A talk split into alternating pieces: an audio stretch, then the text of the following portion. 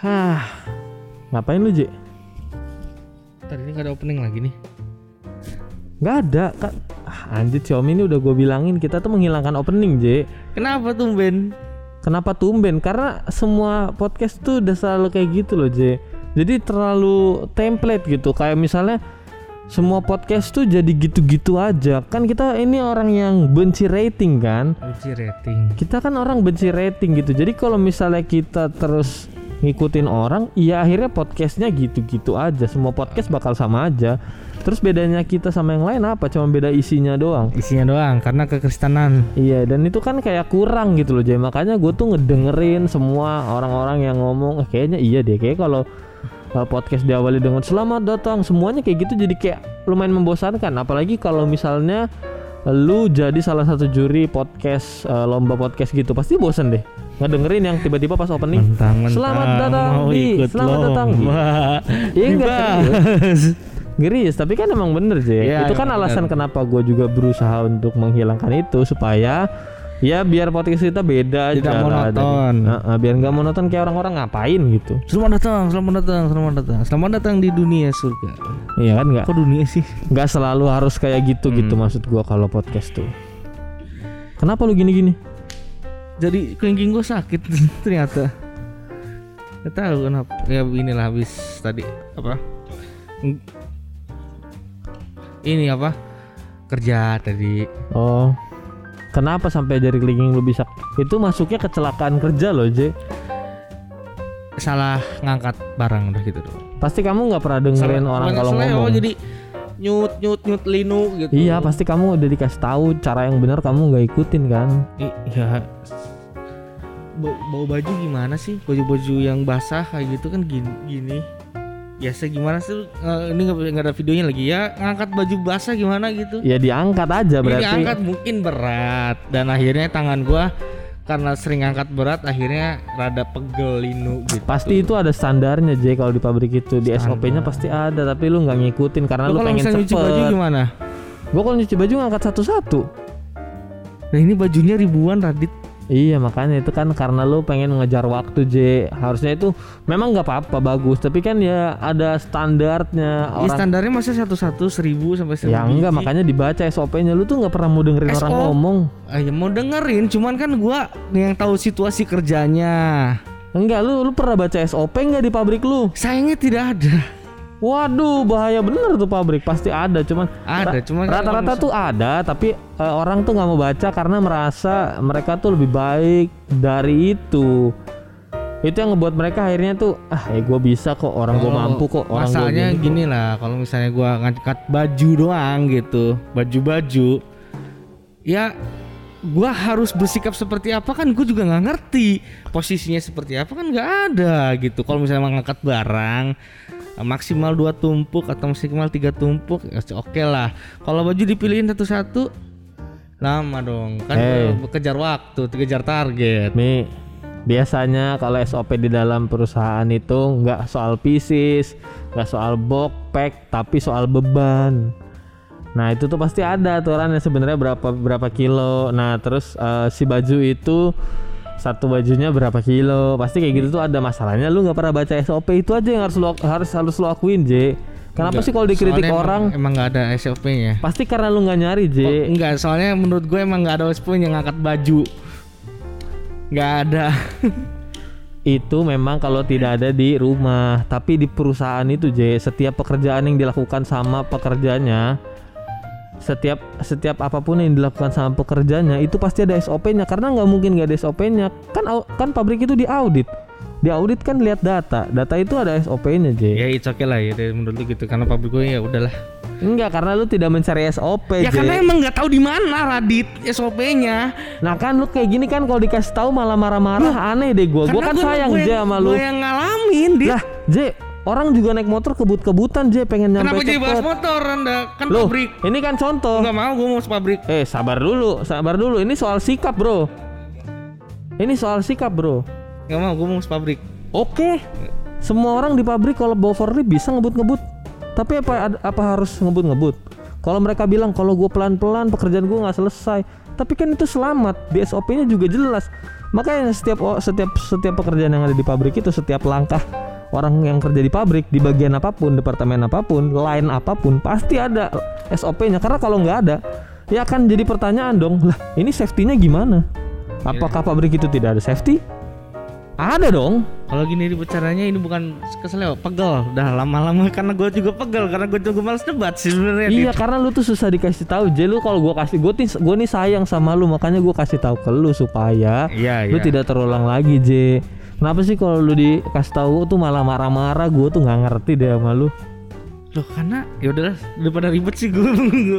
ya oke, thank you. Nah gitu tuh banyak kan teman-teman yang kayak Omi tuh kalau dikasih tahu temennya padahal temennya niatnya baik Nah, tapi malah marah-marah. Jadi orang tuh harus berani menerima Ya. kritik J. Apalagi kritiknya baik buat elu. ya gue tahu kritiknya baik. Ini mau dilanjutin lagi apa mau lanjutin prokes? Ini kan dari tadi kita lagi podcast J. Lu nganggap serius ya? Ih parah banget, Enggak. parah banget. Kita kan lagi tag J dari tadi tuh gua ngarahin lo. Lu lu nggak ngedenger ya? Denger. Kok lu jadi nganggap serius sih tuh kan lihat tuh. Loh, Omi Emang nganggap nganggap loh, tag aja gini. serius lo lihat Ya tuh. serius gimana? Emang lu berarti nggak nggak sayang sama gue dong kalau misalnya lu nganggap nggak serius? Hei, sayang dong. Ya bener kan? Berarti kan Ini kenapa dia main perasaan sih anjir? Nih kita lagi tag ya, weh lu bisa lurus nggak sih? Brengsek lu. Loh, saya tinggal membalikan saja gitu. Ini kan lagi tag nih, kalau lagi ribut nggak ada nggak ada tag nggak apa-apa deh. Ini kan kita lagi tag. Iya iya iya. Anjir jadi ketahuan kan sama teman-teman kalau kita suka ribut. Karena memang sebenarnya kita nggak sedekat itu ya teman-teman. Enggak sih, enggak bercanda aja. Gue deket banget Ya sama kita ya terlalu dekat lah. Iya makanya kadang saking dekatnya tuh kita suka malas dengerin dengerin kritik teman-teman kita. Lu lu semua ngerasain kayak gitu gak sih? Lu juga lu udah pasti lah. Ya pastilah. Kalau gue sih enggak ya, gue suka nerima kritik. ya kadang adalah saatnya kita eh, merasa paling benar dan sudah merasa ya ini gue gue merasa paling benar dan teman-teman teman-teman kalian yang ngasih tahu kalian itu yang nggak tahu apa-apa. Iya, Ketika iya. misalnya yang gue bilang ke Radit seperti tadi, lu nggak tahu apa kan gue yang kerja gitu kan? Nah iya tuh kata-kata kayak gitu tuh emang selalu keluar dari eh, mulut-mulut orang-orang nongkrong ya. Ya orang kayak gitu. Padahal kadang mungkin lu ngomong kayak gitu aja nih orang yang ngomong itu sebenarnya malah mungkin orang yang nggak tahu. Hmm. Jadi dia kasih tak dikasih tahu sama, sama temennya terus malah apaan sih kan gue yang ngelakuin. Lu tahu apa orang gue yang biasa ngelakuin lu nggak pernah ngelakuin kok lu tahu apa? Astaga. Ntar habis itu lagi ribut-ribut-ribut off peperan. Itu zaman sekarang banget ya. Iya benar jangan Iya. peperan udah. Akhirnya banyak banget orang yang nggak mau nerima kritik. Akhirnya mereka jadi eh, rame di sosmed, rame di bikin tweet. Sebel banget deh aku sama dia. Nge-tweet panjang-panjang. Habis Iya. itu dibully juga ternyata. nggak tahu ya kenapa ya kok banyak mungkin kalau kita ngebahas dari tadi tuh kayaknya kok anak muda yang kayaknya susah untuk menerima apa namanya? Kritikan. kritikan. Padahal kayaknya enggak juga ya. Tapi memang banyaknya sih anak muda ya. Ya karena ya mereka yang muda, mereka yang menjalani, mereka yang merasa paling benar. iya tuh biasanya gitu tuh bener kata lu sifat anak muda tuh. Suka peng suka ngerasa paling bener Mau ya Gue kebut-kebutan di jalan ini. Gue udah gue bener gue pakai helm pakai ini. Tapi lu ngebut. betul. Itu itu tidak benar dong. Lu ngebut itu batasnya 60 km lu 100 kilo. Anda mau nabrak orang dimarahin kagak mau. Nah, iya, dan- gitu. ya gitu anak-anak muda tuh kadang batu ya. Dia- Batu. nggak cuma mereka nggak cuma teman-teman ya. Kita juga masih muda dan Iya. kita juga batu. Itu alasan kenapa kita juga nggak disayang orang tua ya disayang sih disayang. Cuman ya disayang. dikit ya kita disayang. Cuman ya gitulah. Kayak ngeyel lah misalnya bukan cuman sesama teman. Maksudnya dikasih tahu tidak menerima kritikannya. Tapi kadang orang tua yang ngasih tahu juga nggak pernah ada yang mau tahu. Iya karena pada dasarnya anak muda tuh malas dikritik tau. Kalau Ya. menurut gua ya. Kalau menurut gue juga sama sih. Ya mau gimana ya? Menurut lu kenapa tuh kalau lu sendiri deh di, di kacamata lu lu kan lu kan anak muda juga. Ya nah kalau lu sendiri kadang malas dikritik karena apa? Jangan yang kayak tadi ya. Kalau tadi jelas karena mungkin kita seumuran kita nggak be nggak sama tempat kita nggak satu kerjaan. Kalau misalnya kayak hal-hal lain yang lu malas dikritik sama orang tuh karena apa sih biasanya? Kalau gua tahu dia tuh orang yang eh, menurut gue ya kalau dia orang yang ternyata orang yang udah baru-baru gak lama banget kerjanya sama gua gitu. Bedanya berapa tahun gitu misalnya di kerjaan ya Hmm, contohnya. Gue baru kerja misalnya 4 bulan dia udah kerja lima bulan dan dia so tahu gitu ngasih tahu gue itu gue sebenarnya gue nggak mau ngedenger kritikannya Itu. Padahal padahal bisa aja kritikannya baik ya. Ya biasa aja kritikannya baik tapi gue nggak mau denger karena lu cuma beda sebulan sama gue. Tapi kalau kalau kalau yang nggak kerjaan dong, kayak kan lu hidup lu kan Kerjaan, nggak di pabrik doang. Sekolah kan? atau di rumah atau Dan misalnya sekolah Anda kan tidak kuliah dong. rumah lah rumah ya. Oke di rumah di tongkrongan atau di Eh, mana? di Pokoknya rumah. jangan kerjaan deh karena bosen kali. Kalau di rumah misalnya di lingkungan rumah yang aduh susah eh kalau misalnya di rumah karena saya kebanyakan kalau menurut gua gua yang gimana ya yang Lu kan tukang Tamiya aja sekarang. Masa di dunia Tamiya nggak ada pasti ada tuh kritik Iya, mengkritik iya, tuh ada iya, tuh. iya. Kayak ngerasa paling oke itu pasti ada tuh. Eh, kalau di dunia Tamiya pertamiaan tuh yang merasa Tamiyanya paling kenceng dia yang paling kenceng ya Hmm. gua yang maksudnya yang baru-baru ini padahal gua juga udah mungkin udah menggeluti Tamiya tuh udah hampir setahun kan Hmm.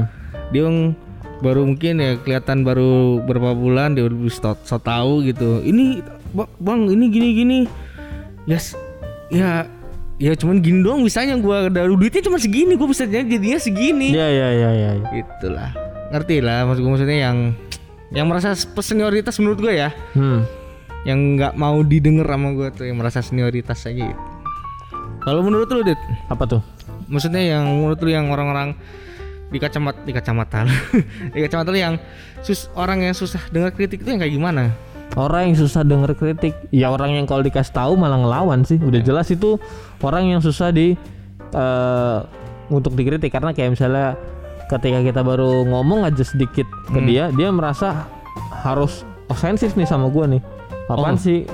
Padahal Protes gitu, iya, protes. langsung Hmm. protes, langsung kayak apaan sih lu orang orang eh, gua lebih tahu ya kayak lu tadi Iya, gitu. kayak lu memberikan kan, contoh ya. yang baik kok buat teman-teman yang pengen tahu. Gimana sih orang rese?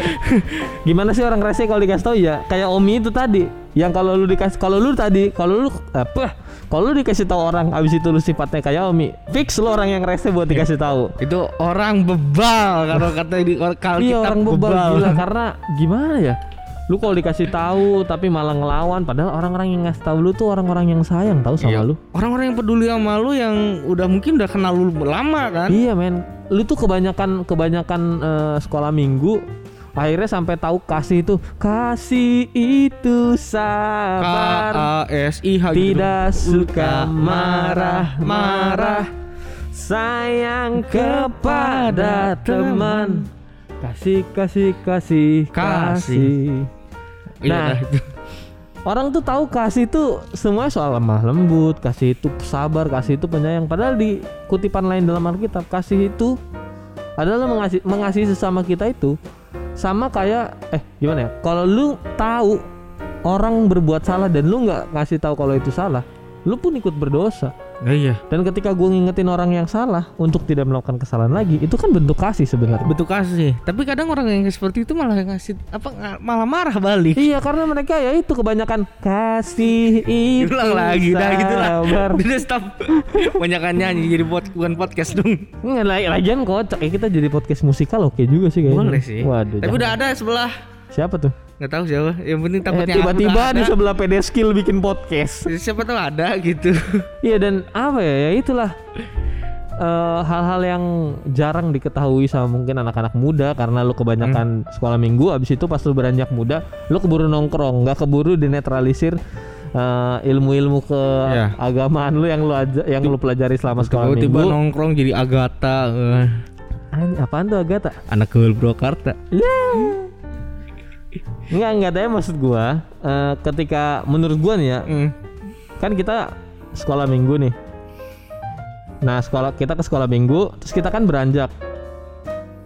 Makin makin naik, makin naik level kita, Hmm. itu tuh yang kita pelajarin jadi lebih lebih dalam Ya. sehingga apa yang kita pelajarin di awal waktu sekolah minggu nggak jadi jelek, tapi kayak lebih tahu lebih dalamnya lagi Iya, gitu. leb- maksudnya diperdalam lagi bukan Nah. malah ya cuma di situ-situ doang. Makanya anak-anak eh kalian kalian kalian kalian yang dengerin gua, yang dengerin Omi, yang dengerin Basun dan podcast, teman-teman tolong ya.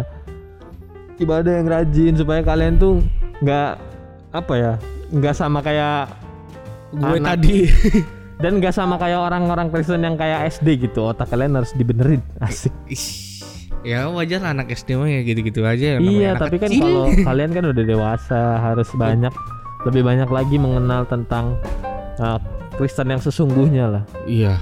Anda Benar. pikir untuk apa kami hadir? Untuk memberikan pengertian kepada teman-teman, tapi teman-teman malas dengar Oh, bukan, khotbah. Gua kira buat itu, Apa, Je? buat senang-senang dulu. Oh iya dong, itu kan tentang itu kan gini. Emang lu gak senang nggak melakukan ini? senang, senang, senang. Ini kan bentuk pelayanan yang menyenangkan Iya. menurut gua dan gue tuh tahu ya kita nih anak muda nih sama lah ya lu gua pendengar kita juga sama anak-anak muda yang pasti kalau dengar khotbah tuh sebenarnya males Eh, sifat alami sih sebenarnya. sifat alami men kita tuh kalau dengerin khotbah yang minggu gitu apa males Iya. nah makanya Kadang kita ketiduran. kita hadir di sini untuk ya supaya lu bisa dengerin firman Tuhan dengan cara yang slow asik lu bisa ketawa-ketawa dan dengan jokes-jokes kita Bisa sepantaran gitu. iya dan sepantaran dan pasti masuk deh Ya moga ya pasti masuk harusnya. Dan lu tau nggak kenapa orang akhirnya males dikritik? Ya karena itu.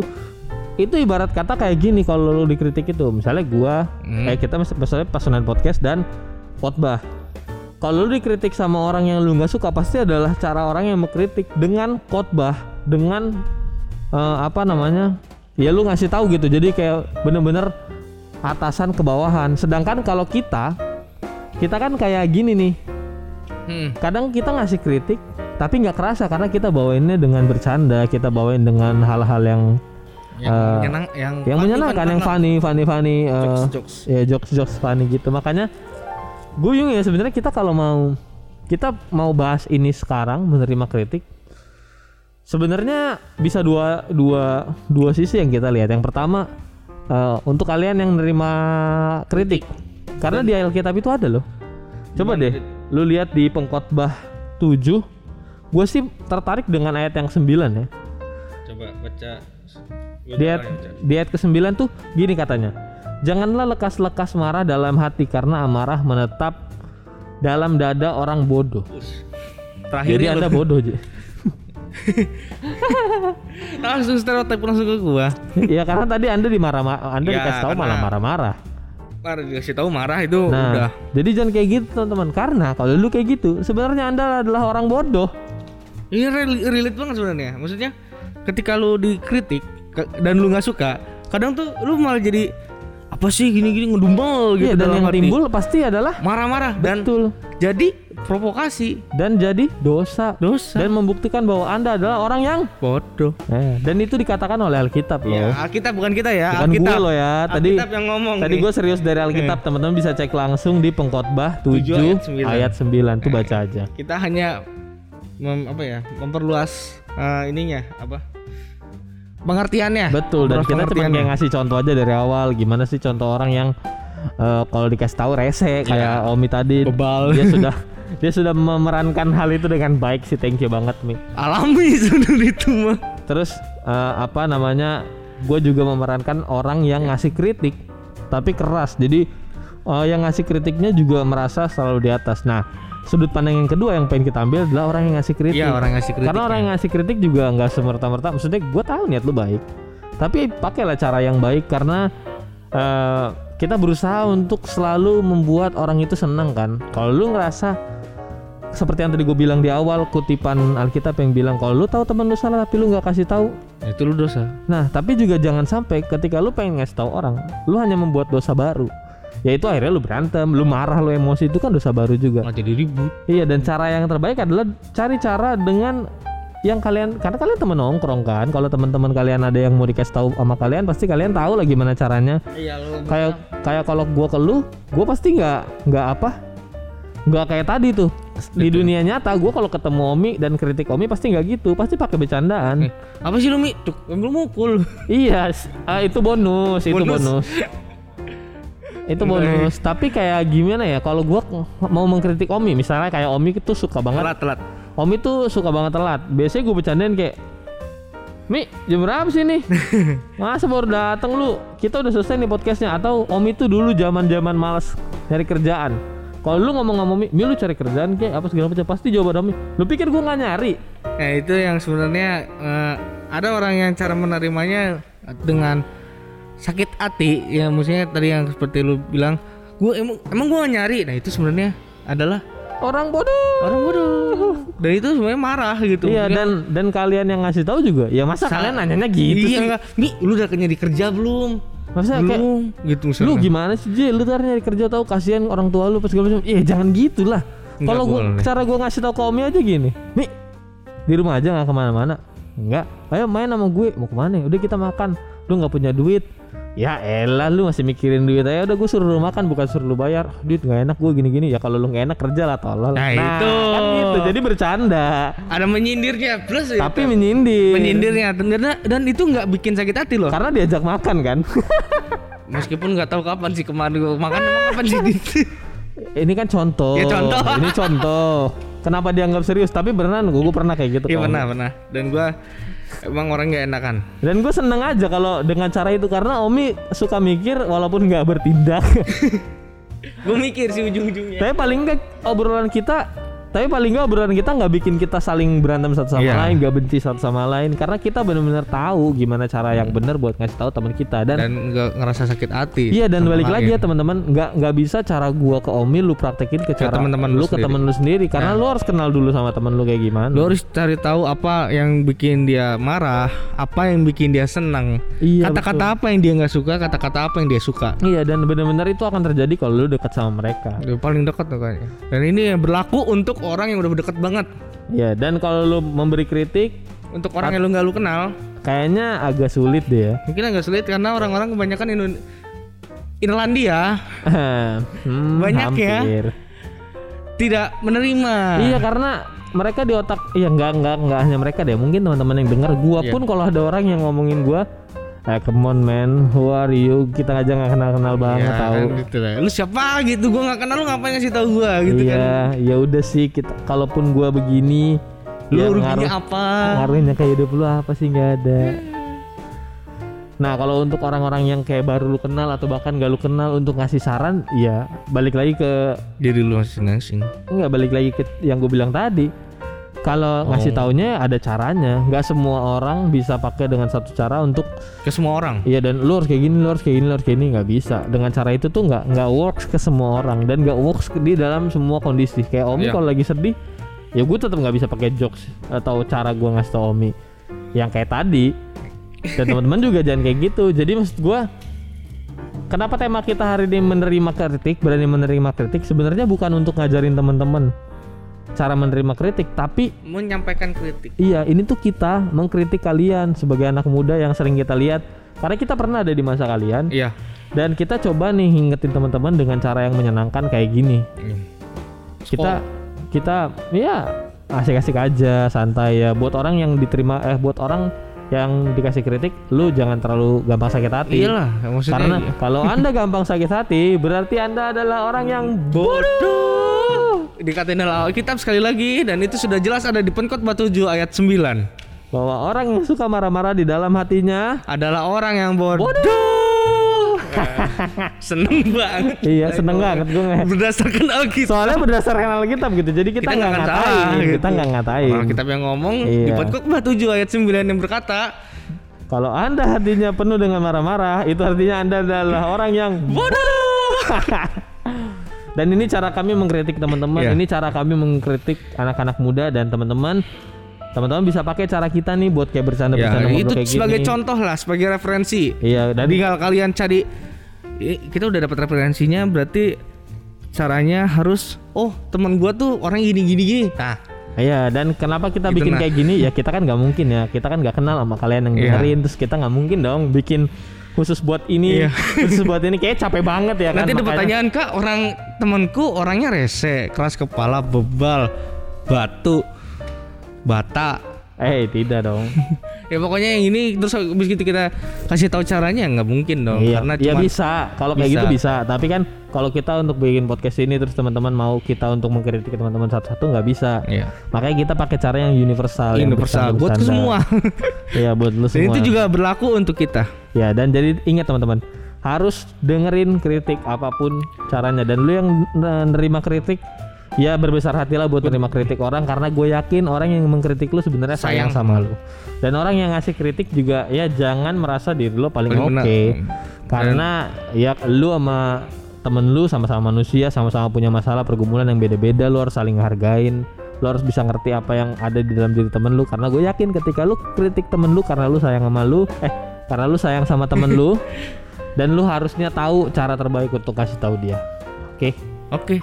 Thank you banget loh teman-teman. Episode kita hari ini menyenangkan ya. Menyenangkan sekali karena kita ngatain orang kita katain orang bodoh itu bukan dari kita tapi dari Alkitab. Jadi jangan salahin gua. Jangan lupa teman-teman, kita podcast Pasundan akan selalu upload di hari Senin jam 7 malam di semua platform digital yang teman-teman punya. Dan jangan lupa follow IG kita di Pasundan Podcast. karena sekarang adminnya udah baru, adminnya tuh keren banget. Adminnya adalah manajer kita yaitu kekasih saya yang sangat rajin upload Instagram dan saya yakin hari ini pasti dia sudah bikin story. dan jangan lupa teman-teman di hari Minggu kita ada ibadah online walaupun sekarang udah nggak live streaming Iya, nggak live stream jadi berbentuk rekaman. Iya, Di jam dan- 6, Di jam 6 aja udah mulai bisa diakses dari Iya. jam 6. Jam 6, jam 9 dan jam Enggak, itu udah bisa diakses dari jam 6. Mau nonton jam berapapun bisa. Oh, iya. Kita direkam terus diupload di YouTube dari jam 6 di hari Minggu di tanggal yang teman-teman mau Ah. ibadah. Misalnya teman-teman mau ibadah di tanggal cuma minggu depan tanggal 11. 19. Berarti kalau kan 11, 11 tambah 11 tambah 7 18. 18. Nah, di tanggal 18 teman-teman pengen ibadah. Ya udah di tanggal 16 di tanggal 18 teman-teman buka YouTube-nya. jam 6 pagi. Buka YouTube-nya siapa? Hey. YouTube-nya GKP Jemaat Purwakarta. Nah, di situ langsung ada ibadah hari Minggu tanggal 18 udah bisa diakses dari jam 6 pagi. Ya. Dan jangan lupa teman-teman, gue ingetin sekali lagi, eh, Pasundan Podcast akan menjalankan acara kita yang bulanan itu yang tiap yang biasanya minggu kedua jadi- Berubah jadi minggu menjadi- tiga. Tapi itu khusus bulan ini aja ya, Iya, karena bintang tamu kita ya kita nyesuaiin nama bintang tamu kita Iya, dan teman-teman pasti penasaran banget kan bintang tamunya siapa. Terus aja pantengin YouTube-nya. Pasundan Podcast atau Tidak. YouTube. Oh YouTube GKP Pasun eh GKP Pasundan Gereja Kristen Pasundan. Ya. Karena kami akan live jamnya sih sama jam 8 di minggu Iya. ketiga bersama bintang tamu yang pasti akan menyenangkan. Ya, kan tunggu saja tidak ada deskripsi atau clue-clue nanti aja di sana lah. Betul, Sama- nanti aja sama- pasti di minggu itu di hari Rabunya Sudah atau di hari ada. Kamisnya udah ada Sudah ada di clue-cluenya. Instagramnya Gereja Kristen Pasundan. Sekali lagi thank you udah dengerin podcast kita hari Thank ini. sekali. Terus terima kritik, terus kritik teman kalian dengan cara yang tepat karena cara yang tepat akan membuahkan hasil yang tepat. Dan ketika kalian dikasih tahu kalian malah marah-marah berarti Anda adalah orang yang bodoh. Nama gua Radit Gue Jeromi. bersama dengan Yoga dan Natasha hari ini kita take di hari Rabu. Bye bye. Bye bye.